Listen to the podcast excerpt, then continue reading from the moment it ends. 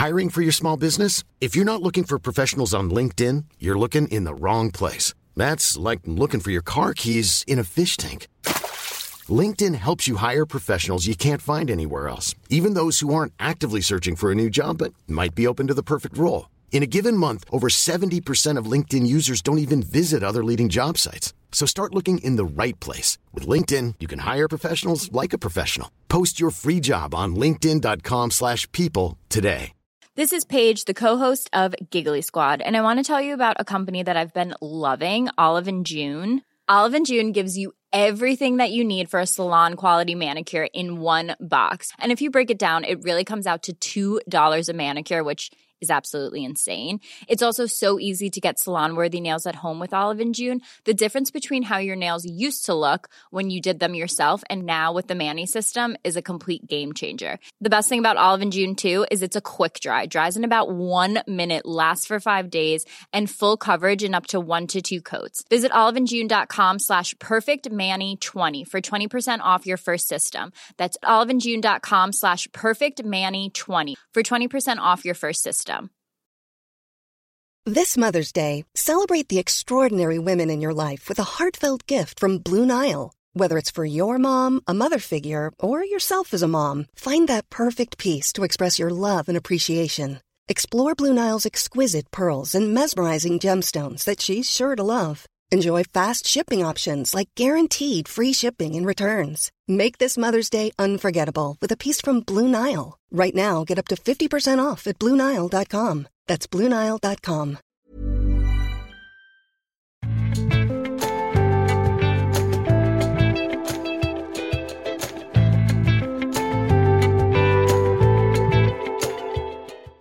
Hvorfor gikk dagen på besøk til Jehovas vitner? Dette er Tore og Tarjei, en podkast fra dagen.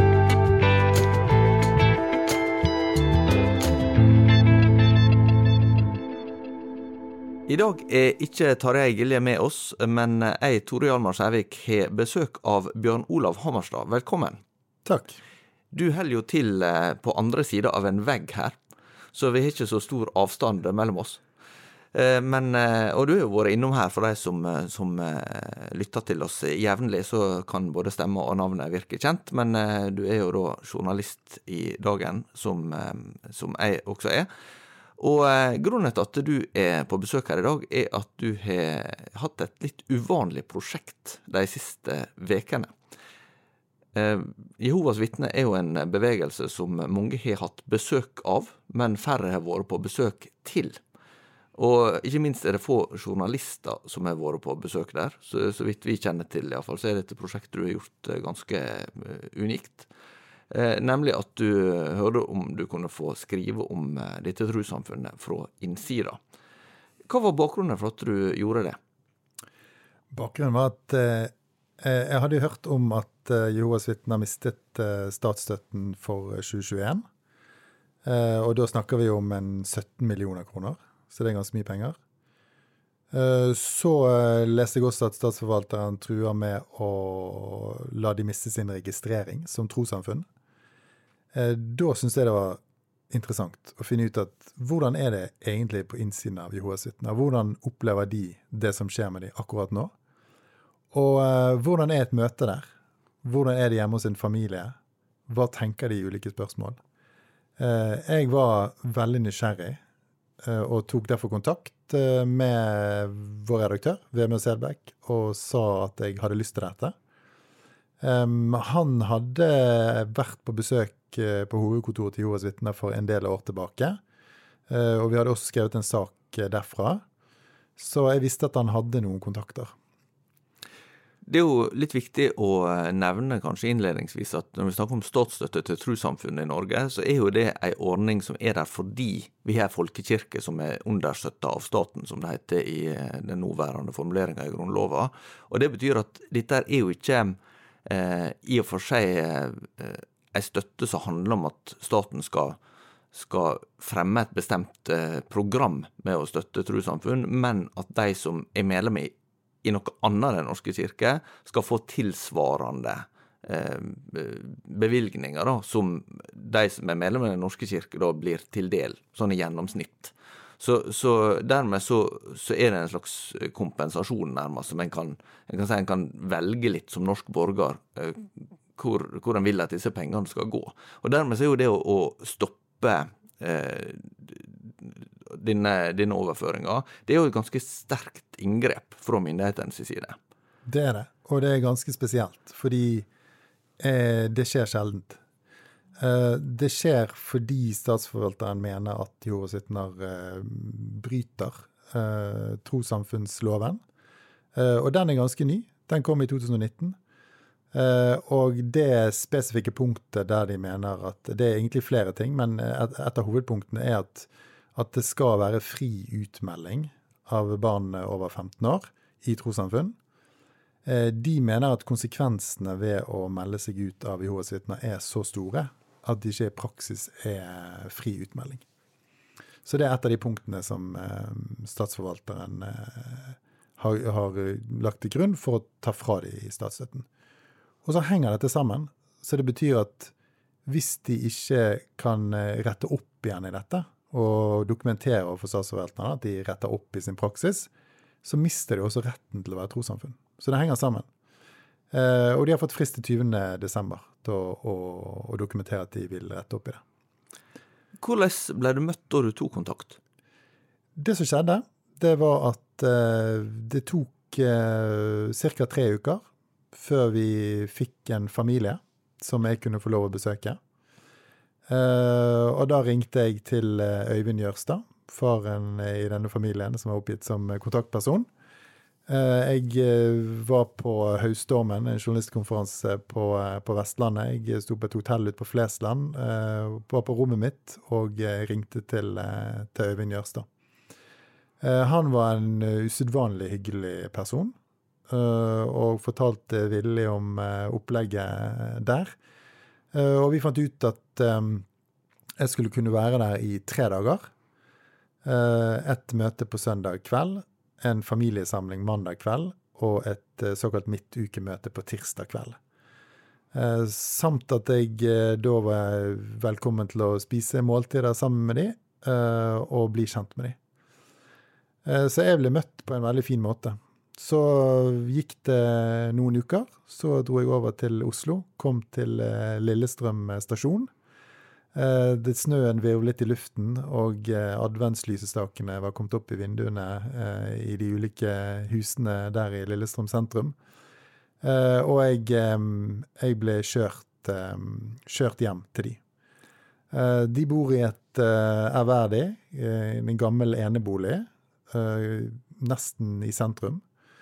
Uh, og blir tatt imot av uh, konen, uh, kona og mammaen i familien, Katrine, og de tre barna, som er tre tenåringsbarn på 15, 16 og 18 år. Jeg blir servert god lasagne, og det er veldig hyggelig og fin stemning hjemme. Når du kommer dit, så vil du jo ha en del inntrykk med deg. Hva, hva tenkte du på forhånd om Jehovas vitner? Hva, hva var det du liksom forbandt deg med?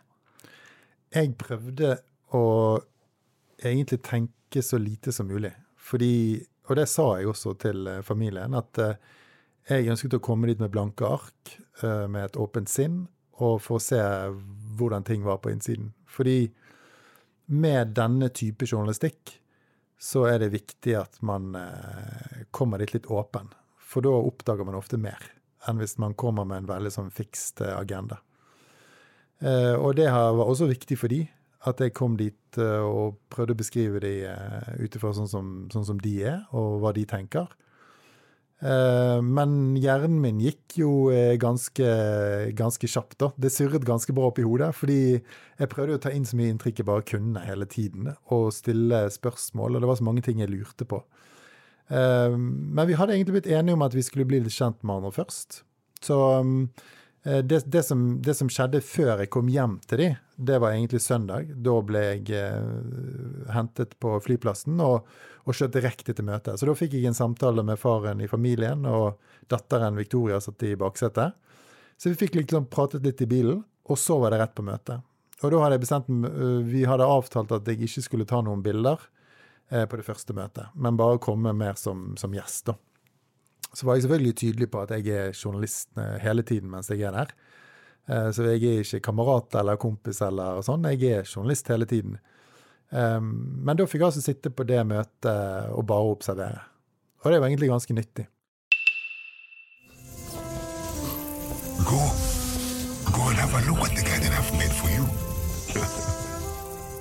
Dette er fra første episode i animasjonsserien Arven etter Adam, om da Gud skapte verden og mennesket.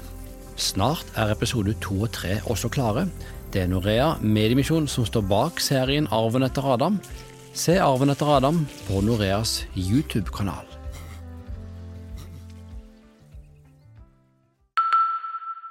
Hva er likt, og hva er forskjellig sammen? Altså, En kristen menighet kan jo Det finnes ikke noen standardmodell for hvordan ting fungerer. Da. Det kan være både i gudstjenesteuttrykk og i sosial og kulturell profil, og mange ting som er, er forskjellige. Men, men, det var noe som slo deg som ja, egentlig likt med mange andre plasser, og, og typisk ulikt. Ja, det var jo noe av det jeg var mest eh, spent på. For det er mye man kan lese på nettsiden til Jehovas vitner. JW.org. Eh, der har de svar på de fleste spørsmål. Eh, og man kan også lese litt om, om hva som skjer i bevegelsen. Men, men det ligger eh, ingen bilder fra eh, Rikets sal på innsiden. Og man ser ikke noen bilder som dokumenterer hva som skjer i et møte, f.eks. Så jeg er jo fotojournalist og er veldig opptatt av hvordan ting ser ut. Eh, så for meg å komme inn der, det var, en, eh, det var en opplevelse. Det var ingen eh, kors eller religiøse symboler på veggene. Det var derimot veldig mange, mye litteratur fra, fra vakttårnet. Det var veldig striglet interiør. Det var, det var enkelt. Nærmest litt bedehusaktig. Type kinostoler. Det var en talerstol framme men eh, ingen alterbilde eller eh, bilder på veggene. Uh, hvert sete, på hvert tredje, andre og tredje sete, så var det en grå mikrofon med en sort knapp. Det hadde en sånn krøllete ledning. Så når noen ville si noe i møtet, så kunne de ta denne mikrofonen opp og snakke den. Men altså ikke når som helst i møtet. Det var spesielt, en spesiell stund for det der man går gjennom eh, bibelspørsmål. Men har møtet form av ei, ei, gudstjeneste, eller er det mer som et eh, informasjonsmøte? Det ligner ikke så veldig mye på en gudstjeneste. Du kan si de begynner eh, med en sang, eh, og så er det en kort bønn. Eh, og så ønsker man velkommen, og så har man en eh, kort preken. Der har det jo mange paralleller til mange andre menigheter. Og så er det samtale om Bibelen, som man har forberedt seg til på forhånd. Da har man et tema, man har en bibeltekst. Det er mer som en bibeltime. Det er på søndag. På tirsdagen i midtukemøtet, da har man eh, øvelser og trening på scenen. Eh, hvordan skal man svare når noen spør, og hvordan skal man presentere budskapet for, eh, overfor folk man forkynner for. Så det framstår mer som en workshop og som bibelundervisning enn som en klassisk eh, gudstjeneste. Hva er det som eh, slår deg som, som viktige poeng i den formidlinga du hører? De har veldig stor fokus på, hvor, på kristen etikk og moral. På hvordan man skal handle som kristen, hvordan man skal oppføre seg. Det, det er det som er fokus i, i, mye av undervisningen og mye av materiellet de har. Hvordan skal man kommunisere? Hvordan skal man Eh, forholde seg til eh, ulike synder. Eh, og, og, hvordan skal man leve som kristen? Og hvordan skal man forkynne? Forkynnelsen, det heter Jehovas vitner, altså det å være et vitne, er veldig viktig i bevegelsen. Og så er de jo også opptatt av et, et ytre som, som, formidler på en måte Guds ære, som de sier. Så når jeg kommer inn i forsamlingen der, så går alle mennene med dress og slips. Uh, og det gjelder fra de aller minste på sånn fem-seks år gammel til de eldste på 90 år. Alle går med slips. Det er ikke en eneste som går med bare en åpen skjorte, f.eks. Eh, det vil si, på tirsdag i midtukemøtet så så jeg en uh, ung mann med hettegenser. Og da skjønte jeg at han ikke var medlem, og det, det var han ikke heller. så det er en veldig sånn strikt indre kode på hvordan man skal kle seg. Men det er ikke en regel eller en lov. Man har lov til å komme eh, sånn som man vil, men man skal kle seg pent. Du nevnte Bibelen. En av de tingene som, eh, som eh, er viktig for Jovas vitner, er at de, de bruker ikke de bibeloversettelsene som eh, kristne kirkesamfunn vanligvis bruker. Hva er begrunnelsen for det? Eh, de bruker en bibel som er ganske lik vår egen. Den nye verdensoversettelsen heter den. Eh, men det at eh, på mange steder så er Gud erstattet med Jehova. Ellers så er det så er faktisk det meste likt. Du, du har kanskje ikke lest hele enda? Nei, men, men det er unntak. Ja. Det er unntak. Men mye er likt. Men de tolker det jo på en helt annen måte. For eksempel så spurte jeg om De, de tror jo ikke på treenigheten. Um, så jeg spurte han ene om det at um, det står jo i første Mosebok at 'la oss skape ja. mennesker i vårt bilde'. Er ikke det treenigheten som snakker der? Men det hadde de også en forklaring på. At uh, Jesus er den første som Gud skapte. Og ånden er Guds kraft, osv. Så, videre. så der har de på en måte ikke endret oversettelsen. Den står som den står, men de bare tolker det på en annen måte. Du nevner noen av de tingene som skiller Jehovas vitner fra andre trossamfunn. Og, og, det er også viktig å være tydelig på at de har jo en ganske eksklusiv oppfatning av seg som de, de rettruende, og, og, motsatt så vil jo ikke andre kirkesamfunn anerkjenne Jehovas vitner som et kristent trossamfunn, nettopp pga. treenighetslæra, men også en del andre ting der en vil si at dette her er ikke tradisjonell kristen teologi. Hva er de andre punktene der det, det er vesentlig uenighet? Jeg vil si kanskje det viktigste, kanskje det viktigste punktet er jo synet på, på frelse. Eh, fordi jeg var jo også hjemme hos familien på en såkalt familiesamling på mandag kveld. Da spiste vi et godt måltid sammen først. Eh, og så var det så de litt på VM eh, i fotball på TV. Og så var det familiesamling, og da var det popkorn på bordet og litt godteri. Og da gikk de gjennom eh, et tema som, som en slags forberedelse for midtukemøtet dagen etterpå. Da spør uh, faren der, Øyvind, uh, er, er, det nok å tro på Jesus? Og da svarer de nei, det, det, er ikke nok. For det står i Jakobs brev at troen er død uten gjerning.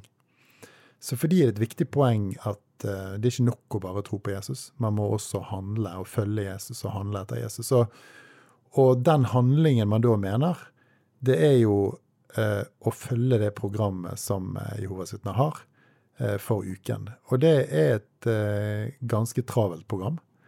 Uh, vi nevnte gudstjenesten søndag kveld, familiesamling mandag, midtukemøte tirsdag, onsdag formiddag. Da har man mulighet til å være med på noe forkynnelse. Uh, onsdag kveld, da, um, da, man, da, har man også en slags sånn samling for ulike grupper i menigheten der man forbereder seg og, og ringer rundt til folk, altså forkynner på den måten. Og så er det lørdag formiddag, et par timer. Da er man ute og banker på dører. Eh, så, så, det er det programmet som det forventes at man er med på, da. Eh, og så er det lov å være borte. Det er ikke folk som er med på alt. Men, men sånn i eh, sånn, sånn, generelt sett også, så skal man være, skal man være med på, på, mye av det, det programmet. Og, og, og, man skal la seg døpe. Dåpen er et krav fra Jehova. Eh, og det er først når man blir døpt at man blir et fullverdig medlem. Så dette er å og også selvfølgelig handler det om å, å elske sin neste og, og følge de andre, den andre kristne etikken i, i hverdagen. Eh, det er det som skal til. Du, visste du at Først er det første misjonsbladet? Først var Først kalt Misjonsblad for Israel. Så har Først først nå fått ny innpakning. Ja, dette i form av bladet Først. Rett og slett et gammelt misjonsblad i ny form. Fremdeles med fokus på det første folket. Bestill ditt første eksemplar nå, eller abonner først som sist. Misjonsbladet Først. Sammen skal vi gi evangeliet tilbake til jødene. Gå inn på israelsmisjonen.no. Det er, ofte interessant å, å spørre hva et trossamfunn ser fram imot. Altså hva eskatologi eller endetidslære en har, forteller ganske mye om, om egentlig hva en tror på. Uh, for det vitner jo om håpet som en da, da bærer. Hva, hva, er det Jehovas vitner egentlig ser for seg skal, skal skje? Altså, hva, hva er det dette skal føre til? De ser jo fram til eh, livet på en ny himmel og en ny jord. Eh, og det har de jo til felles med andre kristne òg. Og der skal, der skal, man leve i fred og i harmoni. Men de som kommer dit, er jo bare Jehovas vitner. Så snakket jeg litt med dem om ja, men Jehovas vitner ble jo etablert på 1800-tallet. Hva med de kristne som har ledd før det? Da mener de at også kristne som har ledd før den organisasjonen ble opprettet, kommer til måte, den nye himmel og den nye jord. Eh, de som på en måte har fulgt Jehova på sin måte, da, tidligere tider, før organisasjonen ble opprettet. Så de har en, en tanke om det også. Jeg spurte litt om dette også, fordi vi før vi begynte å, å ta opp, eh, reflekterte rundt at på 1800-tallet i USA så, så oppsto det jo flere sånne eh, trossamfunn som, som eh, Jehovas vitner har noen fellestrekk med, og, og, og, kanskje på andre måter skiller seg fra. Da.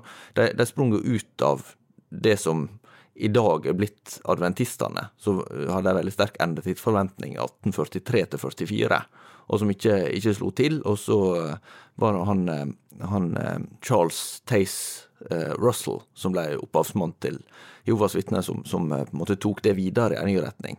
Men så har du også mormonerne, eksempel, som med Joseph Smith, som også oppsto i USA på 1800-tallet. Så det var ei ganske sånn eh, Ja, ei tid med mye religiøst entreprenørskap, om jeg kan bruke et sånt uh, uttrykk. Eh, men, men, samtidig så, så har jo dette vært et, et trossamfunn som eh, Det er blitt spredt over hele verden, men de har vært kontroversielle egentlig overalt. Ja. Og, og, nå vet vi at de er forbudt i Russland. i eh, under andre verdenskrig altså Nazistene forbød vel allerede i 1933, la seg meg til, og de havna i konsentrasjonsleir. Mm. Og det jo i motsetning til, til jødene som var der fordi de hadde feil etnisk eller, eller eh, etnisk opphav, eller feil rase. Eh, for hele nazismen bygde jo veldig på raseforståelse. Eh, så eh, eh kunne jo Jehovas vitner egentlig kommet ut av det med å frasagt seg trua si.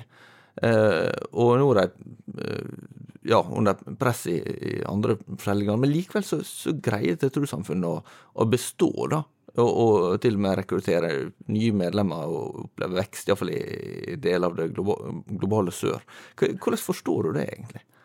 Nei, altså kan du si, uh, vitner har vært i Norge i, uh, i 120 år.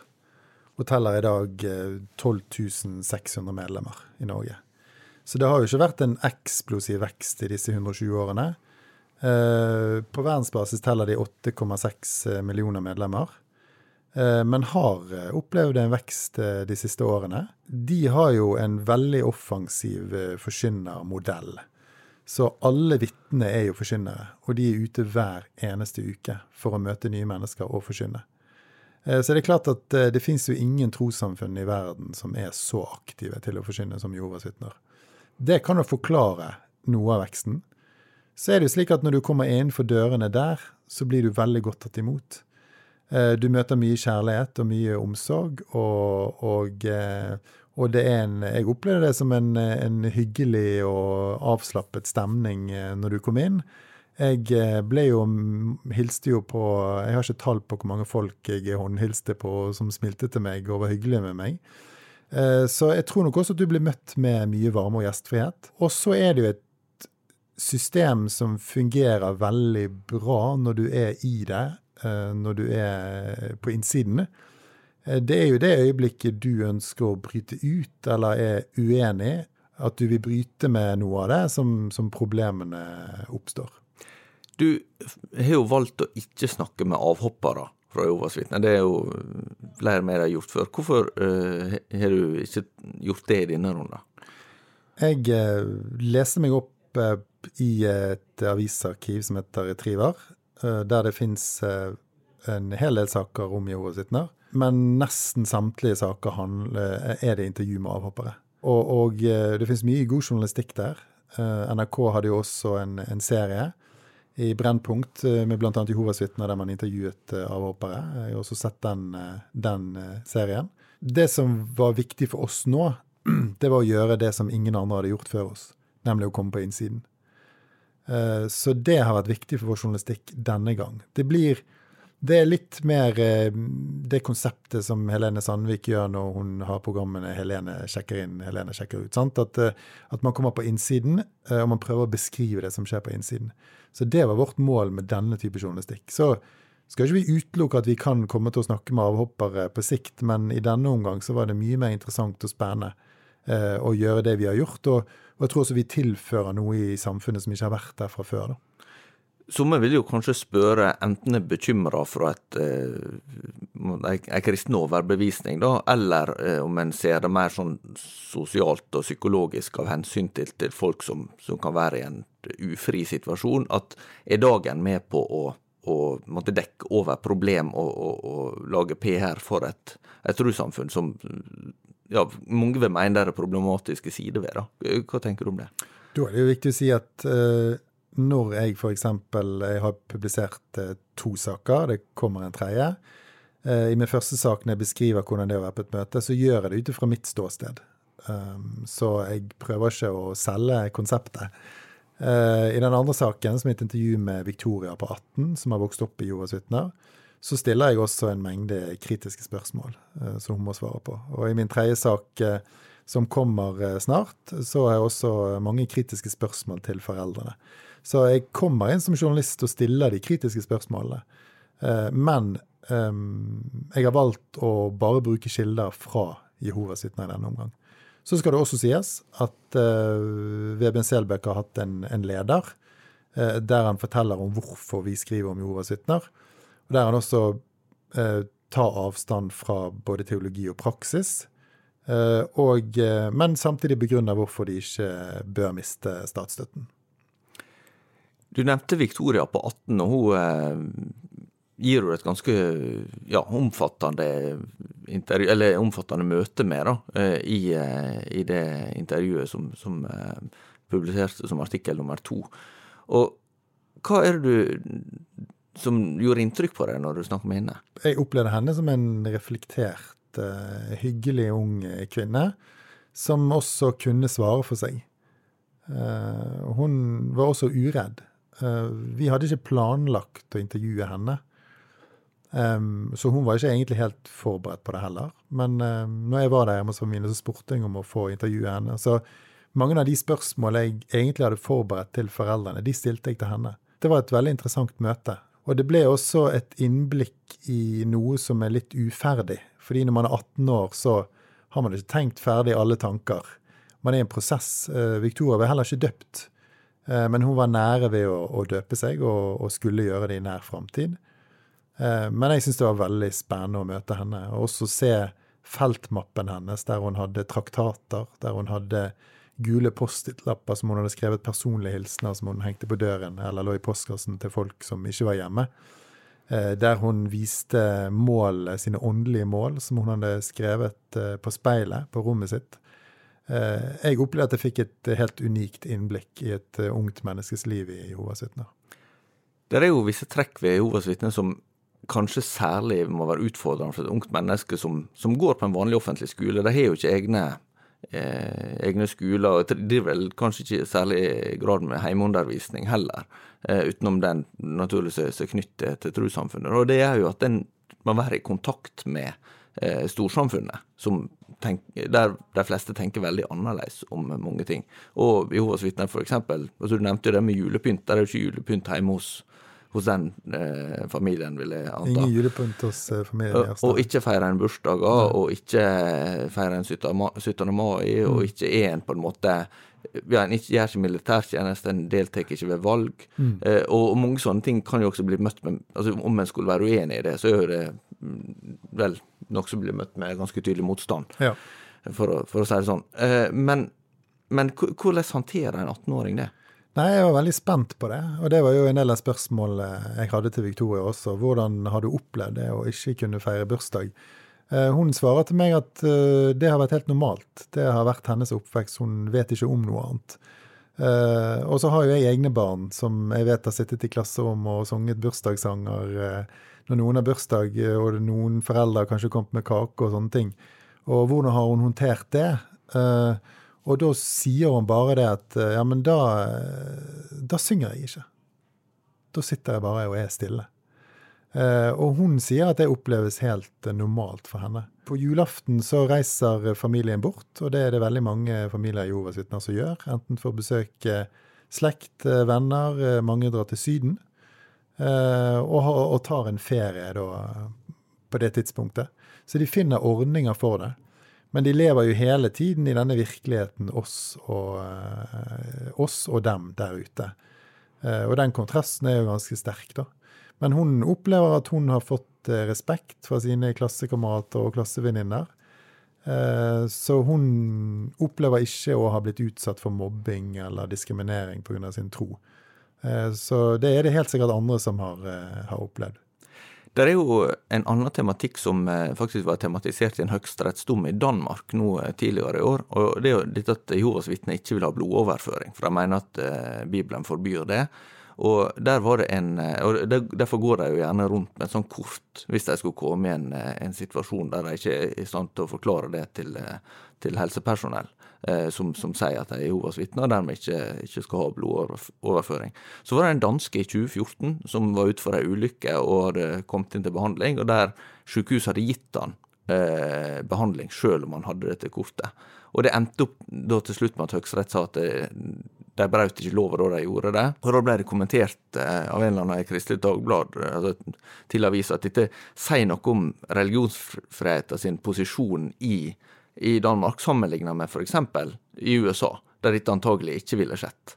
Eh, og, og, det viser jo litt av dilemmaet knyttet til, til religionsfrihet i et eh, liberalt samfunn, fordi at det er forskjellige Eh, friheter eller rettigheter som står mot hverandre. Er det noe sånn følelse at dette er noe som en reflekterer over i, internt i Jehovas vitner?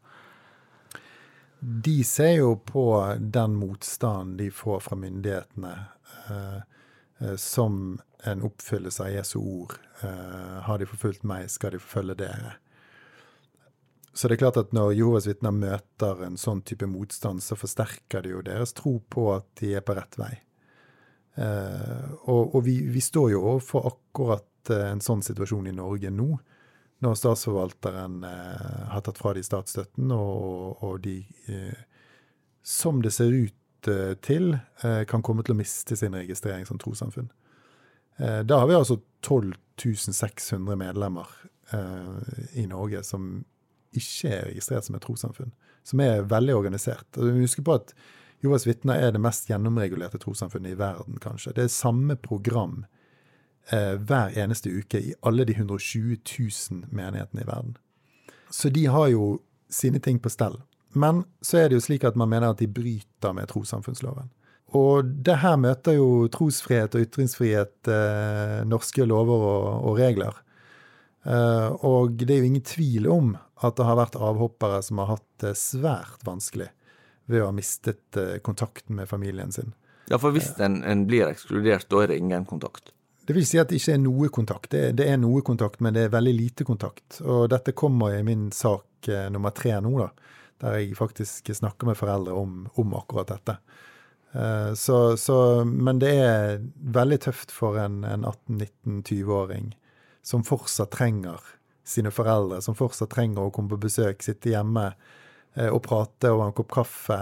Eh, være sammen. Ha, kanskje de får egne barn. Ha besteforeldre der som passer barn, osv.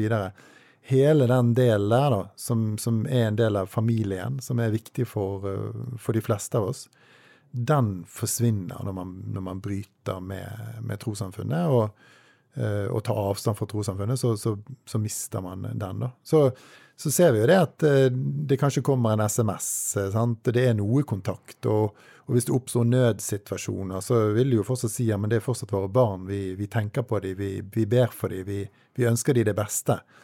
Eh, så de vil jo svare med å si at det er en kjærlig ordning. Og en markering, på sett og vis. da. Men, ja, men, men som sagt, dette er noe som man kan lese mer om i den saken som kommer. Til slutt så tenkte jeg på en opplevelse jeg hadde i, Nashville i, USA i, september. Da gikk jeg langs gata der, og så traff jeg jeg tror det var en ung miljøaktivist som hadde et norsk navn og, og etternavn, så var jo av norsk opphav. Men, men hun eh, Så vi snakka litt om det, og hvorfor jeg var der, og sånn, og så fortalte jeg at jeg var der for å skrive om, om eh, eh kristenliv i USA. da. Og så eh, eh, sa hun at å ja, eh, der, der, er noen nede på, på hjørnet der som bruker å være ute, som har en nettside som heter jw.org. Eh, så kanskje jeg kunne gå og snakke med dem.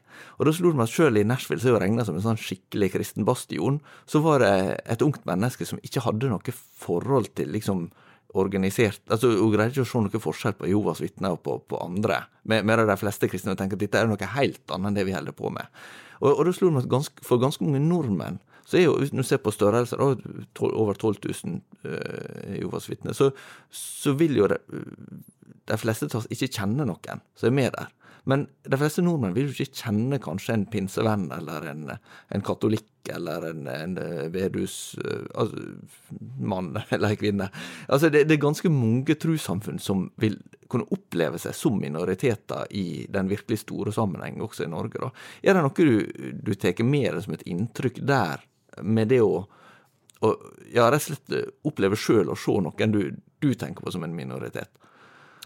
Ja, jeg jeg må jo si at jeg syns at eh, noe av det spennende som jeg, mest spennende jeg får gjøre som fotojournalist, er å besøke minoriteter. Eh, fordi eh, det er en egen gruppedynamikk der. Eh, samtidig lever de i samfunnet vårt. De er i vanlige jobber. De, de er kolleger. Eh, og de må også håndtere de utfordringene som det medfører at de er en minoritet. Eh, så jeg tenker at vi har en viktig oppgave i å dokumentere livet på innsiden av minoritetssamfunn i Norge. Eh, det er altså trossamfunn eller andre samfunn. Nå I dagen skriver vi mye om religion og livssyn, og det, det er jo en, en, lidenskap for meg eh, å besøke sånne miljø. Eh, og så kjenner jeg også at jeg får en viss respekt for de, og beundrer jo den enorme dedikasjonen som, som, de har, og alt arbeidet de legger ned for det de tror på. Det er noe som man kan beundre. Um, så, og samtidig syns jeg også noen ganger at det kan være skremmende å se hvor internt ting kan bli. Uh, og hvordan kontroll kan fungere i små, små samfunn. Uh, og, og, det trenger ikke bare være innenfor religiøse samfunn, det kan være innenfor mange ulike samfunn. Eh, og de, den dynamikken der, den type stammekulturen, også er interessant å observere, og kan også noen ganger være, være skremmende. Takk skal du ha, Bjørn Olav, for at du var med oss i dag. Og så kommer det altså en artikkel til på dagen.no, eller papir, alt etter hva du leser. Takk for at jeg fikk komme. Vi høres igjen neste uke.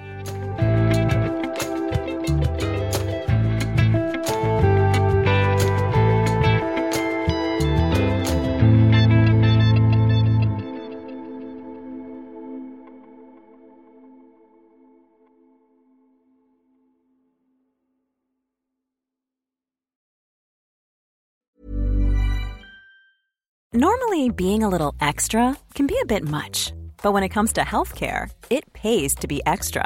And United Healthcare makes it easy with Health Protector Guard fixed indemnity insurance plans. Underwritten by Golden Rule Insurance Company, they supplement your primary plan, helping you manage out of pocket costs without the usual requirements and restrictions like deductibles and enrollment periods. So when it comes to covering your medical bills, you can feel good about being a little extra. Visit uh1.com to find the Health Protector Guard plan for you. Hey, it's Danny Pellegrino from Everything Iconic. Ready to upgrade your style game without blowing your budget? Check out Quince. They've got all the good stuff shirts and polos, activewear, and fine leather goods, all at 50 to 80% less than other high end brands. And the best part? They're all about safe, ethical, and responsible manufacturing. Get that luxury vibe without the luxury price tag. Hit up quince.com slash upgrade for free shipping and 365 day returns on your next order. That's quince.com slash upgrade. Hi, I'm Daniel, founder of Pretty Litter. Cats and cat owners deserve better than any old fashioned litter. That's why I teamed up with scientists and veterinarians to create Pretty Litter. Its innovative crystal formula has superior odor control and weighs up to 80% less than clay litter. Pretty Litter even monitors health by changing colors to help detect early signs of potential illness. It's the world's smartest kitty litter. Go to prettylitter.com and use code ACAST for 20% off your first order and a free cat toy. Terms and conditions apply. See site for details.